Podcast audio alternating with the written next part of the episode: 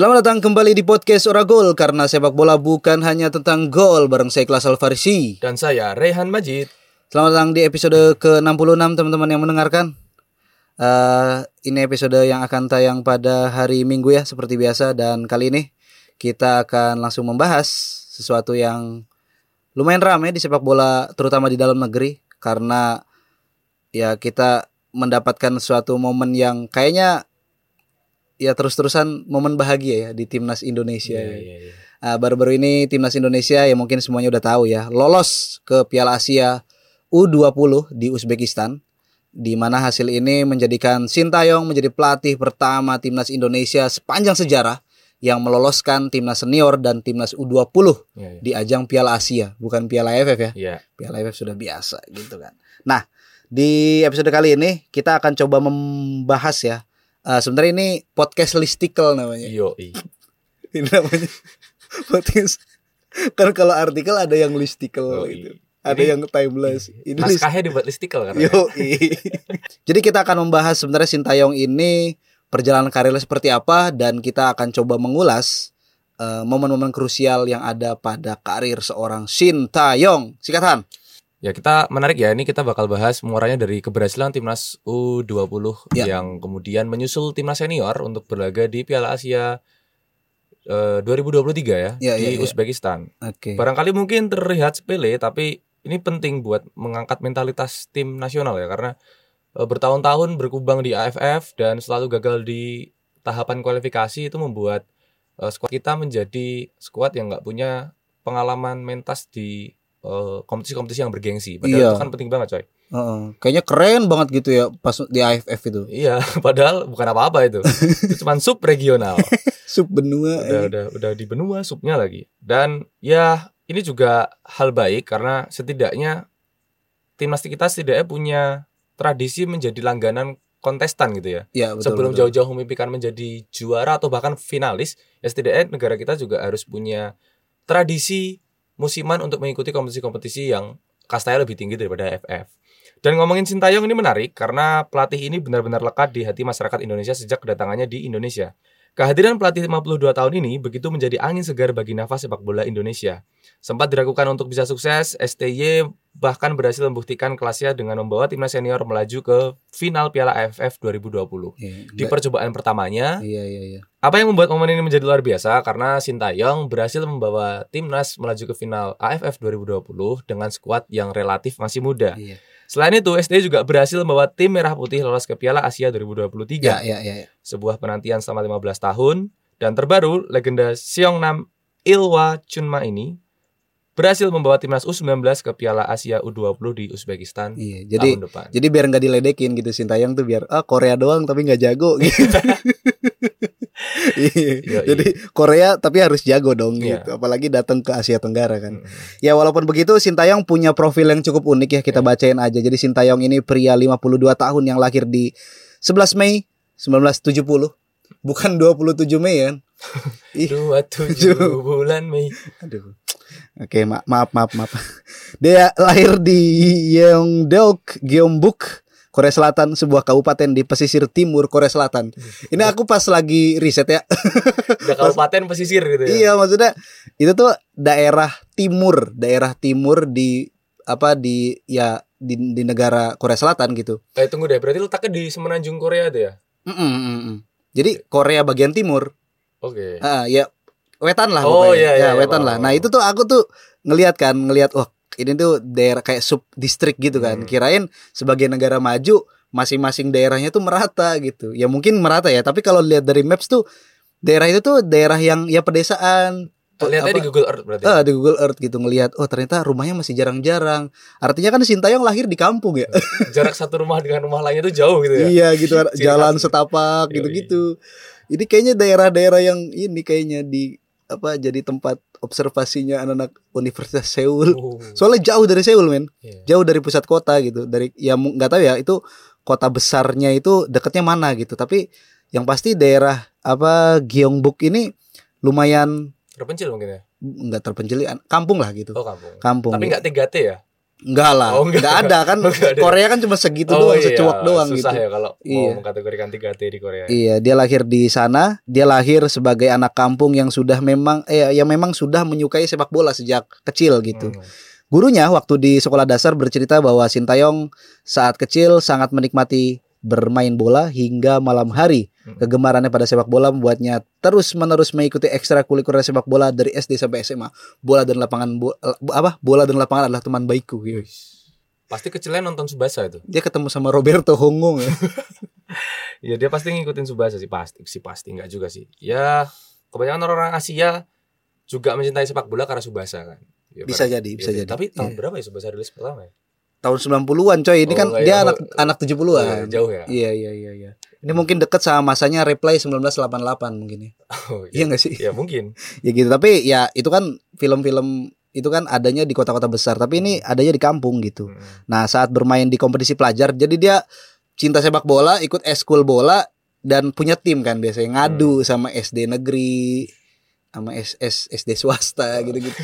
Gitu-gitu. Nah, dia bermain eh, di klubnya di pas di SMA-nya tuh dia bermain di sekolah menengah teknik Daegu dan meraih gelar pemain terbaik. Berkat penampilannya itu dia selalu dilirik oleh tim sepak bola dari Metropolitan, ya klub asal Seoul, namun dia memilih tinggal di kampung halamannya. Ya, ini menarik ya. Eh, di tengah tawaran yang deras dari Metropolitan dari Seoul, dia justru memilih bertahan di kampung halamannya.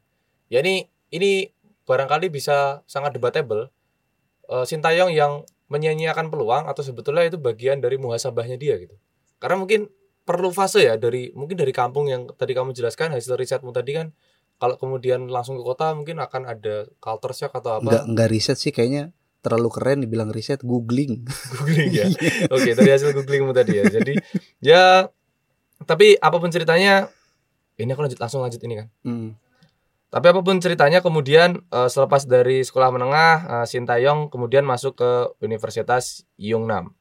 Dia memperkuat tim Universitas Yungnam saat usia masih 19 tahun. Karirnya kemudian melesat hingga memperkuat klub profesional Ihwa Chunma Ihwa Chunma lalu berubah Oh, jadi dia masuk kampus dulu. masuk kampus dulu Mahasiswa dulu Yoi. berarti. mungkin Iya, dia nggak iya, buru-buru ke apa namanya iya. Heeh. nggak Itu tuh kayak ke- momen persimpangan ya. Heeh. Menjadi atlet atau menjadi PNS. Nah, bapaknya bilang kamu jadi sepak bola mau jadi apa gitu. Iya iya iya iya. Sekolahnya lanjut. Iya iya. Tapi mungkin nih dia nggak langsung ke ibu kota, mungkin ke provinsi dulu gitu ya. Yongnam University. Yoi. Dia memperkuat tim Universitas Yeongnam saat usianya masih 19 tahun. Karirnya kemudian melesat hingga memperkuat klub profesional Ihwa Chunma. Ihwa Chunma lalu kemudian berubah menjadi Seongnam Iwa, Iwa cuma tuh apa Iwanul Muslimin. satu jaringan. enggak enggak enggak enggak bercanda. Ya, Ihwa Chunma lalu kemudian berubah menjadi Seongnam Ihwa Chunma dan saat ini dikenal menjadi Seongnam FC. Sejauh ini Seongnam FC di K1 League atau Liga Satunya Korea sedang berada di posisi buncit di pekan ke-33. Uh, posisinya sedang tidak menguntungkan ya. Iya iya iya. iya. Sedangkan Ya Sinta- karena karena ditinggal sama Sintayong. Ush, sebesar itu ya Sebesar- bertahun-tahun ya. Keren coy dia tuh. eh, nah Sintayong ini selama bermain di klub Seongnam itu eh, kalau istilah sulit nggak usah disebutin lah ya. Iya. Kelihatan begonya. nah, dia tuh main lama banget ya dari era hmm, bisa jadi era 80-an, 90-an bah, dan dan dan dia keluar dari klub ini tuh 2004 gitu kan. Oke. Nah, di momen-momen dia bermain di klub kampung halamannya ini ternyata gitu. Fun fact-nya Sintayong pernah bertemu dengan klub Indonesia Ush. di musim 1995 di Liga Champion Asia, gokil. Ada Persib Bandung menjadi Wih. wakil Indonesia di sana. Jadi wajah Indonesia Ah, ya. ah, ah. Foto yang beredar eh, Sintayong yang seorang gelandang serang tengah ditekel oleh Robi Darwis, pemain belakang andalan Maung Bandung. Sintayong juga pernah bertemu klub Indonesia lainnya, yakni Persi Kediri, di kompetisi Liga Champion Asia di tahun 2004 di musim terakhirnya. Oke. Jadi ya kalau sebelumnya tahun 95 terus nih ketemu lagi di 94 tuh berarti lumayan panjang lah karirnya gitu. Iya. Jadi dia tuh kayak siapa ya? Kalau di Eropa tuh kayak Cannavaro atau Maldini kali ya. Iya. One man club. One man club ya. Iya. Ya gitu. Terus ya dia ketemu Persi Kediri di Liga Champion Asia juga di tahun 2004 dan saat itu Persi Kediri berhasil ditaklukkan dengan skor 15-0. Tidak aneh. Tidak. Nah, Sintayong sendiri mencetak gol ketiga pada menit ke-12. Nah, itu menarik ya. Sintayong pernah ditackle oleh Robbie Darwis dan sekarang dia melatih seorang Robbie Darwis yang lain. Yoi.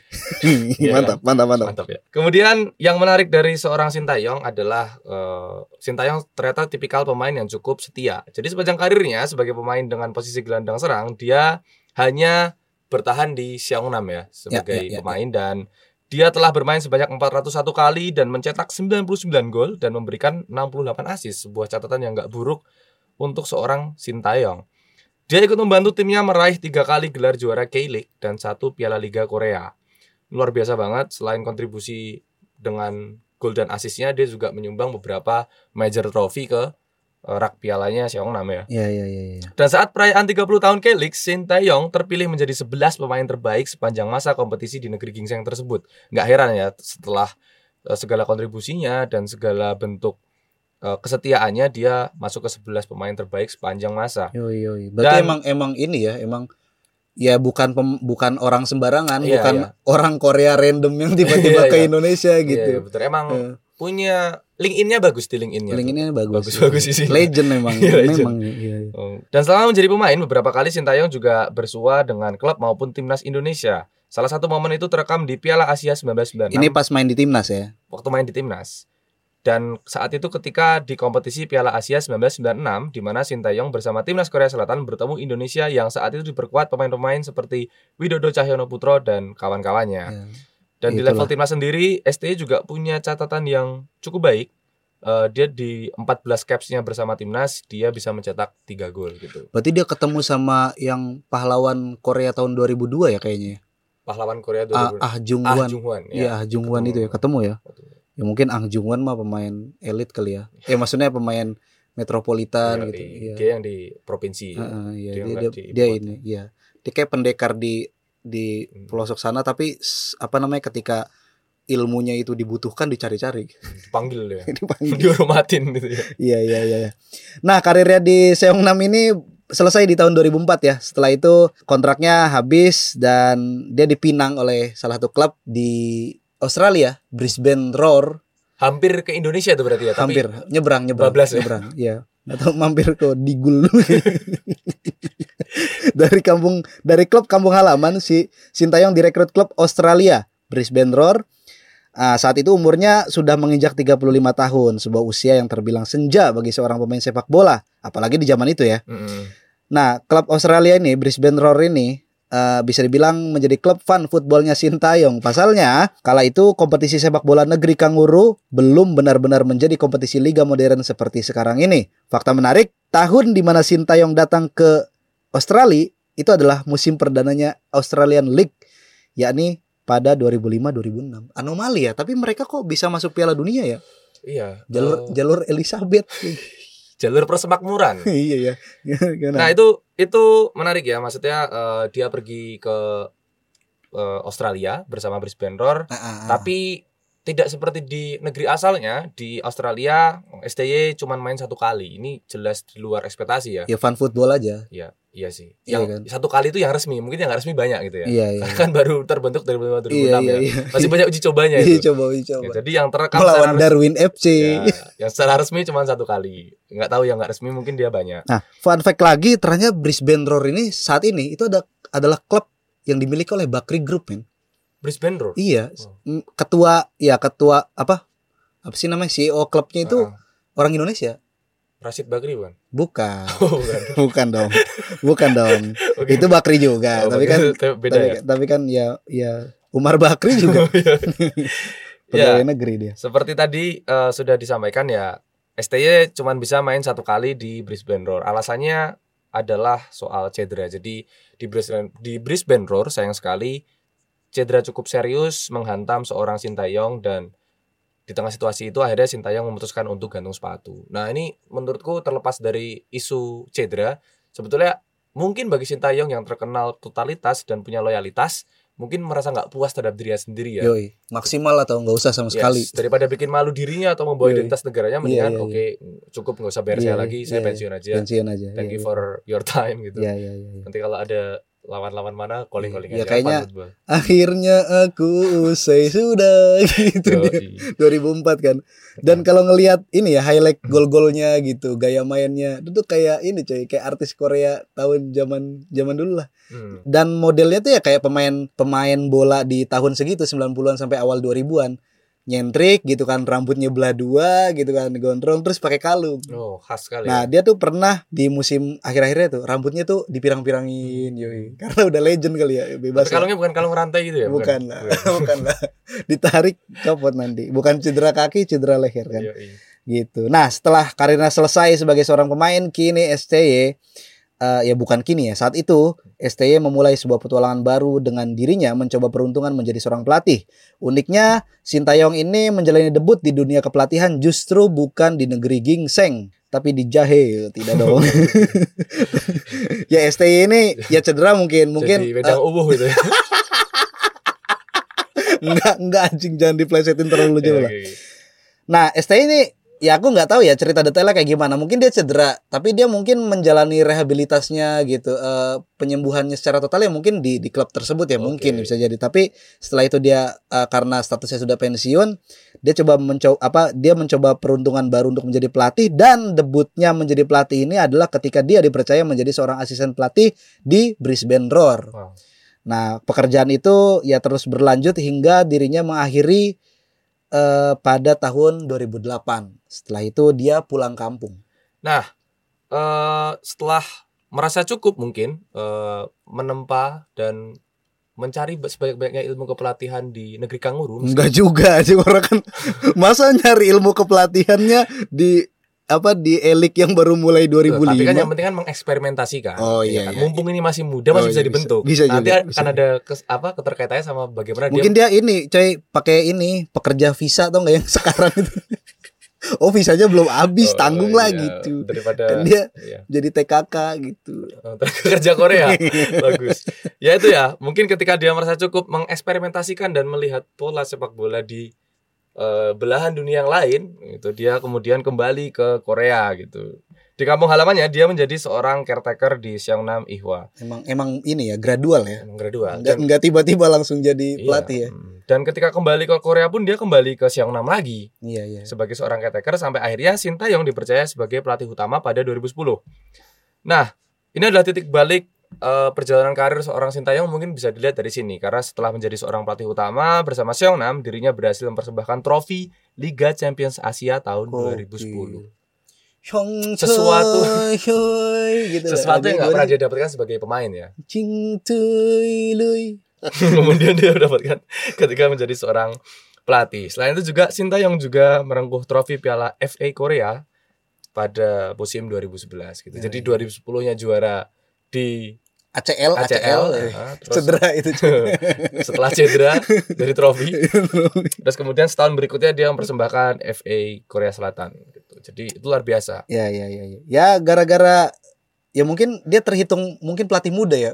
Itu pas dia juara Liga Champion, juara Eh, tunggu Piala deh, FA Korea tuh kayaknya Sintayong waktu itu jadi Julian Nagelsmann-nya Korea. Oh, iya. Yoi kan. Muda. Pelatih muda tapi kok udah bawa klub Seongnam ini Mm-mm. juara Liga Champion Itu gitu di kan. majalah-majalah Shell pasti highlight highlightnya adalah muda dan berbahaya.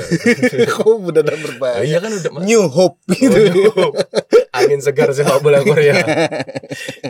Nah, tapi tapi nggak bercandaan karena emang semenjak pencapaiannya ini eh ya dia dirinya mulai dilirik gitu kan. Nah, sampai akhirnya pada tahun 2014 eh, sebagai persiapan Olimpiade musim panas di Rio, STY dipercaya mengampu timnas U23. Oke. Kan kalau kita kan U23-nya pasukan Garuda Muda. Kalau mereka gingseng muda. Belum siap panen. Siap panen. Ya itulah. Dan kemudian pada perjalanan Olimpiade yang dinakodai oleh seorang Sintayong hasilnya nggak buruk-buruk amat. Tim Gingseng Muda berhasil melaju ke babak perempat final dan eh, pada fase itu kemudian harus mengakui keunggulan dari Honduras. Honduras loh. Honduras. Ah. Satu. Pada- Hondur- Hon iya Honduras tuh ya. Eh, kue dulu, kue dulu. Iya ya Honduras ternyata juga nggak buruk-buruk amat gitu. Iya, iya, Kalau iya. kita lihat di Konkakaf dia kan maksudnya Konkakaf. ya? Konkakaf. Iya. Bareng sama Curacao. Oh iya bareng Iya, sama Kurakau, Kurakau Curacao. Logonya keren tuh H aja di sini. Ah, di pertandingan kalau yang timnas senior ya, aku kan ngelihat kan eh, timnas Indonesia versus Kurakau nanti kan hari Sabtu tanggal 24 Gimana Nah, jadinya? Jis. di GBL eh, GBLA lah. Oh, GBLA. Nah, nah itu tuh aku ngeklik Kurakaunya kan. Nah ternyata sebelum pertandingan lawan Indonesia ini dia main lawan Honduras Oh. dan menang kalau nggak salah tuh. menang Artinya kan- Kurakau. Eh, eh, artinya kan kalau Korea dikalahkan sama Honduras dan Honduras dikalahkan sama Kurakau, kalau Kurakau bisa kalah dari Indonesia kan berarti apaan sih anjing? sekaligus mengalahkan Honduras waktu itu kan. Iya, Oh, iya, gitu, nggak gitu. Nah di ini ya apa di perempat final gitu pencapaian terbaiknya Sintayong bersama tim Korea Selatan muda. Nah waktu itu ya ada Son Heung-min, ada Hwang Hee-chan yang menjadi bagian dari skuad di Olimpiade tersebut. Nah, kalah dengan terhormat ini membuat nama Sintayong turut disegani dalam jajaran kepelatihan Korea Selatan. Mulai itu namanya. Menggelora. ya. Iya. Nah, setelah tahun tersebut gitu kan, STY akhirnya dipercaya menjadi nahkoda timnas senior Korea Selatan. Nah, oke, kemudian ketika dia dipercaya menangani timnas senior Korea Selatan, ini juga menjadi salah satu pembuktian bagi seorang Sintayong ya. Setelah eh, hanya ya meskipun eh, hanya sampai perempat final disegani, tapi mungkin bagi STY itu nggak cukup ya. Ada pembuktian lebih lanjut yang perlu per- yang perlu dia lakukan untuk membuat tidak hanya publik Korea Selatan tapi dunia mengakui dirinya. Dan itu terjadi ketika Sintayong menjadi pelatih bagi timnas senior Korea Selatan pada kualifikasi Piala Dunia 2018. Pada perjalanannya, dirinya harus kembali membawa timnas ini tampil kembali di supremasi tertinggi kompetisi sepak bola tersebut. Dan STY pun berhasil. Iya dong. 2018 Berhasil. timnas Lucu. Eh Korsel gak masuk Piala Dunia lah. ya nggak jadi keren namanya ya. Iya, yang jadi keren. Nah, 2018 setelah berhasil lolos di kualifikasi, kemudian Korsel bersama Sintayong berangkat ke Rusia dengan skuad terbaiknya. Korsel berhasil memimpin grup di babak kedua kualifikasi dan runner up di bawah Iran di babak ketiga. Nah, di Rusia ini kemudian Sintayong berangkat bersama skuad terbaiknya. Beberapa yang diajak berasal dari alumni Rio. Ush, Karena ya emang tipikal pelatih timnas harusnya gitu gak sih kayak iya, iya. dia udah nyaman sama satu orang gitu dan dia dia tahu nih formulanya kayak apa dan dia pengen apa sistemnya biar jalan nih ya siapa siapa aja pemainnya dia dia bawa bakal bawa terus gitu kan Iya, kayak iya. ya kayak sekarang Sintayong terus-terusan bawa Rahmat Irianto Rizky Rido Rizky Rido kan gak impresif impresif amat saya itu saya sorry itu saya. Di- tapi kan tetap dibawa gitu Ya, itu jadi ciri khas ya barangkali ya Oh, seorang iya, iya. pelatih punya pemain-pemain favorit yang mengisi Hmm. posisi-posisi yang barangkali dianggap penting. Nah di Rusia ini STY bersama Korea Selatan bawa Heng Min Son dan Hwang Hee-chan Ush. pemain yang dikolongin Evan Dimas dan Maldini Pali pas becek-becekan di Gelora Bung Karno ya. Nah di babak grup Korsel tergabung di grup yang terisi begitu banyak kuda hitam. Ada Swedia, Meksiko, Korea, dan juga Jerman sebagai juara bertahan di edisi sebelumnya. Ekspektasi tinggi dari publik Korea cukup membebani STY. Pasalnya Korea dituntut untuk tidak jago kandang. Waduh. Iya beneran. Jadi ya mungkin sama halnya ya eh, publik Indonesia itu ya publik Korea itu kayak publik Indonesia gitu kayak Korea ini langganan Piala Dunia terus mau sampai kapan gitu cuman jadi pelengkap Wih. gitu. Ya mental mental apa Nippon cahaya Asia tuh harus Oh. gitu coy. Macan Asia ya harus bisa menggaruk Iya. beruang merah gitu di Rusia gitu. Nah, ekspektasi itu begitu tinggi gitu bagi apa yang di yang dibebani kepada SCY gitu kan. Jadi dituntut untuk coba bisa eh, lolos gitu kan. Soalnya kan isi grupnya ya Swedia, Meksiko bisa lah ini Hmm. gitu kan nemenin Jerman. Nemenin Jerman. Nah, ternyata eh ternyata gitu di pertandingan pertama justru Korea kalah tipis oleh Swedia dan di pertandingan kedua kalah lagi 2-1 sama Meksiko. Di mana eh, asa untuk lolos ke fase grup ya cukup sulit gitu akhirnya. Namun bukan ST kalau punya mental loyo macam kerupuk. Ya, siapa sih yang nulis naskah ini gitu? Lanjut. Nah, meskipun pada situasi yang sulit dan mungkin sudah dipastikan tidak lolos ke babak selanjutnya, ya STY masih ingin memberikan penampilan terbaik di pentas tertinggi sepak bola tersebut. Pada pertandingan terakhir melawan Jerman, yang merupakan laga hidup mati untuk Jerman, Korea Selatan di bawah STY justru tampil luar biasa. Laga versus Korea jadi laga hidup mati bagi Joachim Low dan di sisi lain, meskipun asal lolos dari fase grup cukup sulit, namun STY tetap menampilkan permainan terbaiknya. Apalagi jika misi ini berhasil, Korsel akan membuat Jerman tidak lolos fase grup Piala Dunia untuk pertama kali dalam sejarah. Selain itu, pola bahwa tidak pernah ada juara bertahan yang lolos fase grup sejak 2006 akan terus terjaga. Dan misi tersebut sukses dilaksanakan, maksimal atau tidak sama sekali. Mungkin itu yang ada di benak STY saat itu. Berhasil menahan setiap gempuran lini serang Muller dan kawan-kawan, Korea malah berhasil mencuri dua gol di penghujung laga. Gokil. Uh, ini luar biasa coy. Itu momennya ya keren sih. Dan akhirnya memori 2002 bisa tertutup sama memori 2018 gitu. Iya, Meskipun 2018 terhitung gagal total ya, Hmm, tapi mengalahkan Jerman itu sesuatu yang nggak sederhana. Betul, Not betul. for betul. everyone betul, gitu. Betul, Apalagi buat tim nasional dari Asia gitu. betul. betul. Mengingat Jerman yang mungkin ras Arya gitu ya. Orang-orang keren-keren, kuat-kuat. Iya. Squadnya nggak begitu banyak ganti, Hmm, ya nggak begitu banyak 2014 berubah. ya. Iya, iya, iya. dan harusnya punya kematangan dan eh, visi bermain yang sudah Ah, padu ya. kekompakannya juga harusnya ini kan. Ya, tapi ya sulit gitu kan. Iya. Lagi sih Neuer sampai maju-maju. Nah, itu yang ngide. Iya, iya, iya. Tapi biasanya emang gitu ya, udah penghujung laga kan posisi 1-0 untuk Iya. ketinggalan ya. Iya, iya, iya. Neuer pengen punya momen yang nggak terlupakan juga gitu. Siapa tahu corner gitu dia bisa nyundul.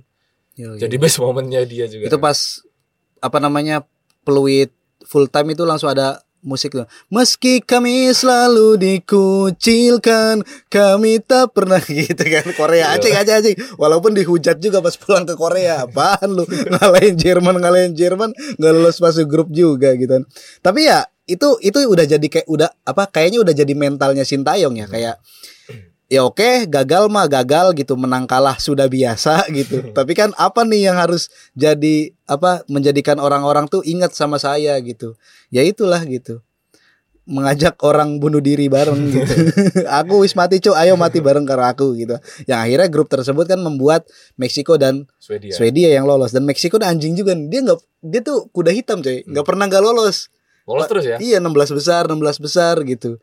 Emang mantap gitu. Nah di selepas Piala Dunia 2018 STY nganggur. Karena emang ya udahlah gagal Dan ya bikin sensasi kayak gitu Ya belum belum membuat STY itu dilamar gitu kan sama banyak klub gitu kan. Sebenarnya udah ada gitu kan. Ada klub dari Cina yang menawarkan kontrak jangka panjang dan gaji yang mahal. Tapi kok kayaknya kurang menarik ya Hmm. di menurut pengakuan Sintayong ya. Nah, sampai pada tahun 2019 ada Ratu Tisha yang menghubungi KFA, Federasi Sepak Bola Korea Selatan. Tisha mewakili PSSI bermaksud menghubungi STY lewat federasi tersebut. Nah, pesan itu kemudian disampaikan ke KFA kepada STY. Jadi PSSI Ratu Tisha nge-calling gitu kan ke KFA gitu kan. Terus saya mau ketemu dong sama STY gitu. Soalnya saya nyari LinkedIn nggak ada gitu. Gak bisa reach di link ini. gitu. Udah tolong dong gitu kan kan KFA kan ya ya kan dia mantan pelatih timnas kan. Jadi mungkin bisa. Nah pesan pesan itu disampaikan ke STY terus dia ya sebenarnya STY bisa aja nolak kan. Oh, apaan sih gitu. So asik lu gitu. Nggak mau ah gitu. Tapi STY kemudian mengiyakan pertemuan itu belum mengiyakan tawaran kontraknya Hmm. mengiyakan pertemuan itu dan tadinya sebenarnya eh, fun fact-nya itu tuh pertemuan itu pengen diadakan ya di Indonesia. Hmm. STY ya diminta datang ke Indonesia gitu. Nah ta- eh enggak enggak enggak. PSSI Iya, yang pengen datang langsung ke Korea. Oke. PSSI yang pengen langsung datang ke Korea kalau nggak salah ya. Nah tapi waktu itu ketika ada pertandingan Indonesia versus Malaysia dan ada beberapa orang-orang PSSI juga yang ada di Malaysia Sintayong itu inisiatif gitu. Mungkin dia nggak mau so asik di awal kali ya. Ya Oke. udahlah gitu. Media nggak usah ada yang tahu dulu gitu. Kita pengen ngobrol apa toh nggak ada.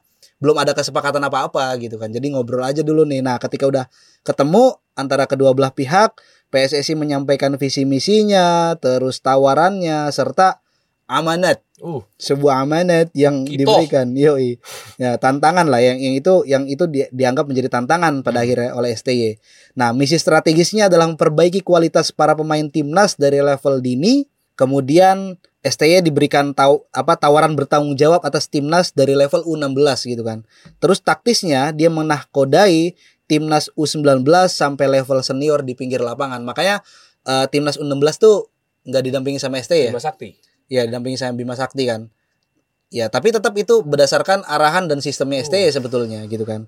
Makanya ya aku agak kesel juga pas mereka juara terus lokal pride lokal pride. Enggak coy lu kalau nggak di uh, ACC sama Sintayong juga nggak bakal ngelatih ini gitu. Wis. Saya bela Korea lah enggak enggak lanjutan Oke, tapi perjalanan di Indonesia tidak berjalan semulus yang dibayangkan ya.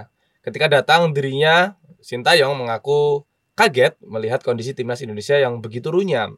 Ancur-ancuran di kualifikasi Piala Dunia, motivasi down, serta skuad dengan rata umur yang terlalu tua menjadi gambaran dan wajah timnas kala STY mendarat di Itu pelatihnya Indonesia. waktu itu Simon ya? Simon McManamy ya Simon McManamy. yang jadi enemy.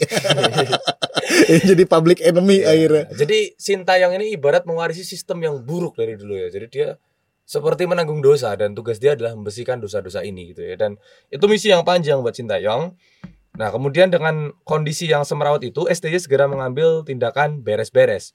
Mulai dari merubah mindset, kedisiplinan, sampai merombak komposisi skuad dan menyingkirkan para pemain senior yang dianggap nggak sesuai kebutuhan Sintayong. Gue ini nggak nonton apa salah satu video wawancaranya STY nggak sama orang Korea Oke. yang dia bilang ya pertanyaannya tuh kalau nggak salah ya apa yang kamu temukan gitu kultur sepak bola mereka gimana gitu. Ya dia kayak bingung aja ini kok bocah gitu pas mau latihan tuh banyakan ngobrol gitu loh. Oke. Pakai sepatu dilama-lamain Ah, iya, oke. gitu terus nggak langsung ya lari ke lapangan Orang gitu. satset ya. Orang satset gitu. Nih, wah nggak bisa nih. Ini harus dirubah kata dia gitu.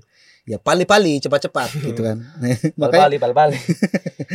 ya itu STY eh, kemudian merombak juga eh, komposisi skuad timnas senior gitu. Pemain angkatannya Egi dan Witan Sulaiman ini lebih banyak direkrut. Oke. Nah, sisanya ada Fahrudin Arianto, si kapten kita itu ya kan. Dan pemain dengan usia peak tapi potensial direkrut seperti Ricky Kambuaya yang dari nggak tahu dari mana kan Iya. tiba-tiba oh kok bagus di Persebaya dan akhirnya wah ini timnas beneran masuk timnas dan sekarang moncer kan walaupun bersama bersama Persib Bandung nggak juga nggak tahu lah belum menemukan Belum ya, belum ya. terbaiknya. Luis Milla Bien. Ya, dan sempat Evan Dimas juga menjadi bagian dari timnas Indonesia. Dua pertandingan pertamanya, timnas Indonesia sengaja memilih lawan tidak masuk akal. Pertama versus Afghanistan yang kalah 2-3, kedua versus Oman dengan hasil 1-3. Nah, lewat pertandingan ini Sintayong kayak pengen ngomong gitu ke pemain timnas dan seluruh pecinta sepak bola tanah air ke Ultras Garuda, Indonesia Til Aida, siapa lagi? Ayo siapa lagi? Semuanya lah ya. gitu dia pengen bilang coy gini coy timnas lu tuh sampah ya ayo berbenah yuk yuk berbenah seakan-akan kayak pengen, pengen ngomong gitu Iya, gitu iya, iya. interpretasiku ya Iya, iya. soalnya pas ngeliat kenapa tiba-tiba lawan Afghanistan gitu ya walaupun aji mumpung ya karena waktu itu kan lagi tandang kan Iya. Eh, pertandingan Waktu kualifikasi lagi ini di Uni. Emirat Arab atau di Turki nggak? Uni iya kan jadi mau tandang ke Uni Emirat Arab tapi kan ada jeda Persiapan kan dulu nah di persiapannya di Turki Oke. Nah, lawan Afghanistan tuh Taliban FC. nah, ya itulah pokoknya. Kalah ya ya kita udah tahu hasilnya semua pasti kalah gitu kan karena secara level pun masih di bawah gitu timnas kita apa di hadapan Oman dan Afghanistan. Nah, lewat shock terapi itu timnas setidaknya punya peningkatan dari sisi fighting spirit. Pada lanjutan kualifikasi, secercah sinar sepertinya muncul kala timnas berhasil menahan imbang Thailand dua sama. Tahu nggak momen ketika Nadeo yang marahin Rizky Ridho apa siapa Iya, gitu yang iya. Janco, astagfirullah gitu. itu ik- ikonik itu. Ikonik, ikonik. iya, iya. Jadi ya itu hasil itu membuat Thailand juga akhirnya nggak lolos ya Iya, iya. di yang satu grup kan nggak tahu ya kualifikasi Piala Dunia tapi satu grupnya tuh masih sama itu itu aja gitu Iya. Malaysia Vietnam. Vietnam yang akhirnya lolos kan. Nah Thailand gak lolos eh, pelatihnya pelatih Thailand saat itu Akira Nishino harus mundur karena ya nggak maksimal lah gitu. Tapi ya kayaknya ini emang udah jadi misinya Sintayong ya gugur menggugurkan gitu. Aku boleh jelek tapi harus ada yang lebih jelek gitu. Gugur. gugur Akira Nishino. Jepang lah ya kan orang Oh, Jepang. Orang Jepang. Kemudian eh, Sintayong mendampingi timnas di Piala AFF 2020. Jadi setelah ya ya ya, ya. kualifikasi Piala Dunia berlalu, hasilnya ya carut marut karena dia tampil. Sebenarnya ada kualifikasi Piala Asia dulu lawan Cina Taipei. Oh ya, menang ya? Iya menang. Ya, terus kemudian dia langsung menghadapi turnamen yang dianggap oleh sebagian besar masyarakat Indonesia cukup bergengsi ya, Iya, karena iya. emang seringnya di situ. Iya. Seperti rindu AFF harus dibayar tuntas. Gitu. Berulang kali jadi runner up, udah lima kali ya? Lima atau enam kali? Iya enam kali sama ini ya. Ya nggak tahu lah urusan data mah biar jurnalis aja. Oke. Jadi saat STY mendampingi timnas di Piala AFF 2020, dirinya dikritik karena dinilai cuma membawa timnas anak-anak di Piala Dunia sub benua tersebut. Secara kontroversial, STY nggak manggil Lili Pali, Irfan Bahdim, Iya, Beto, Iya ya. dan deretan pemain senior lainnya. Iya ya. Iya iya iya waktu ya zaman-zaman itu sih. Ini kok kenapa nih pahlawan 2000 Asian 10. Games 2018 Hmm, Beto, AFF 2010. pasangan emas Beto sama Lili Pali kok nggak dipanggil gitu kan. publik bertanya-tanya dan mulai meragukan ini orang tahu sepak bola nggak sih gitu, Iya, gitu. ya kan iya. Piye tuh iki? Iya, si paling bola itu keluar.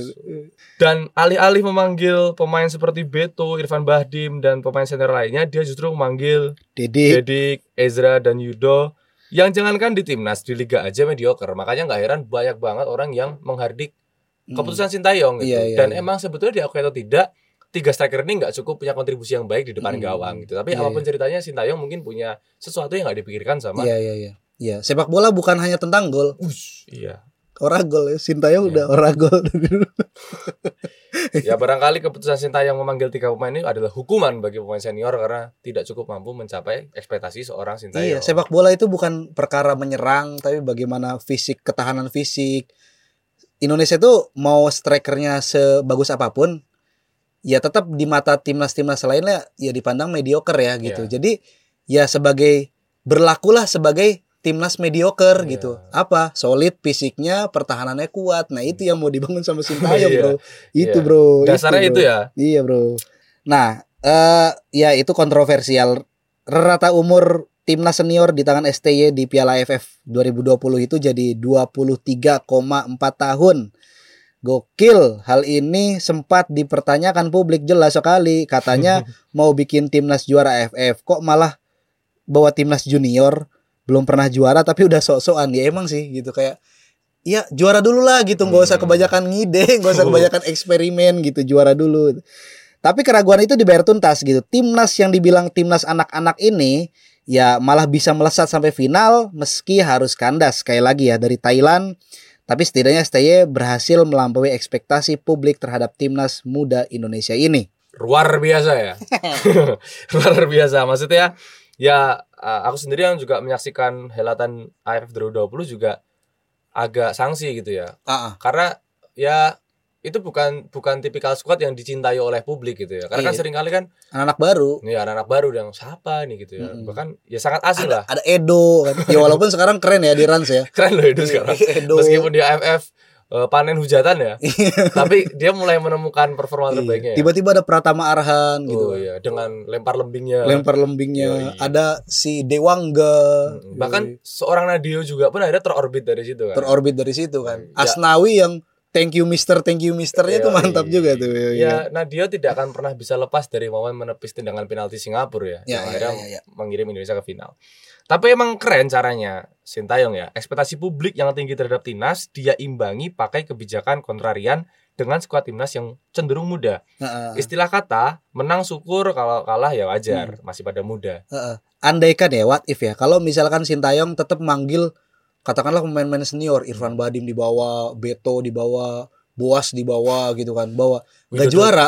Kayaknya dituntut turun STY out gitu iya. iya Hmm. nah ini kalah tapi skuadnya muda gitu kan jadi kan diwajarkan makanya ya Percaya komentator proses. komentator kan pada bilang ya timnas kita anak-anak masih pada muda bung gitu jadi wajar gitu kan Ma- malah banyak ya banyak komentar-komentar ya timnas Indonesia masa depannya cerah dan lain sebagainya. Terbukti pasca Piala AFF ya banyak pemain-pemain yang kemudian terorbit ya. Pratama Arhan ke Jepang Asnawi. terus Asnawi perpanjang kontrak. Ya. apa si Ipwich siapa? Si Elkan Begot juga. Elkan Bigot Elkan Bagot juga perpanjang kontrak walaupun ya walaupun dipinjamkan dipinjamkan ya karena dia butuh waktu bermain ya biar bugar. Terus si Witan juga ke sempat ke ini kan apa? Lesia Gedangs, enggak dari Lesia Gedang terus dipinjemin ke klubnya Senika. Senika tapi sekarang udah beda-beda lagi kan. Ya ST akhirnya dipuji dipercaya oleh masyarakat Indonesia. Walaupun gitu kan selesai AFF ada Bapak Esko yang sempat eh, mengutarakan opini jelek ya. Jelek banget.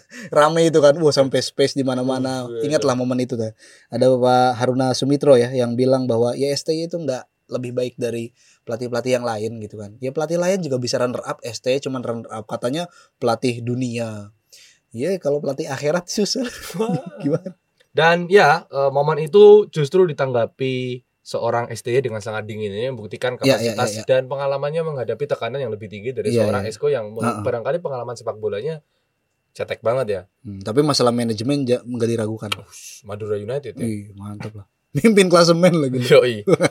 nah, Pak Esko saat itu bilang eh STY dinilai seperti pelatih-pelatih sebelumnya.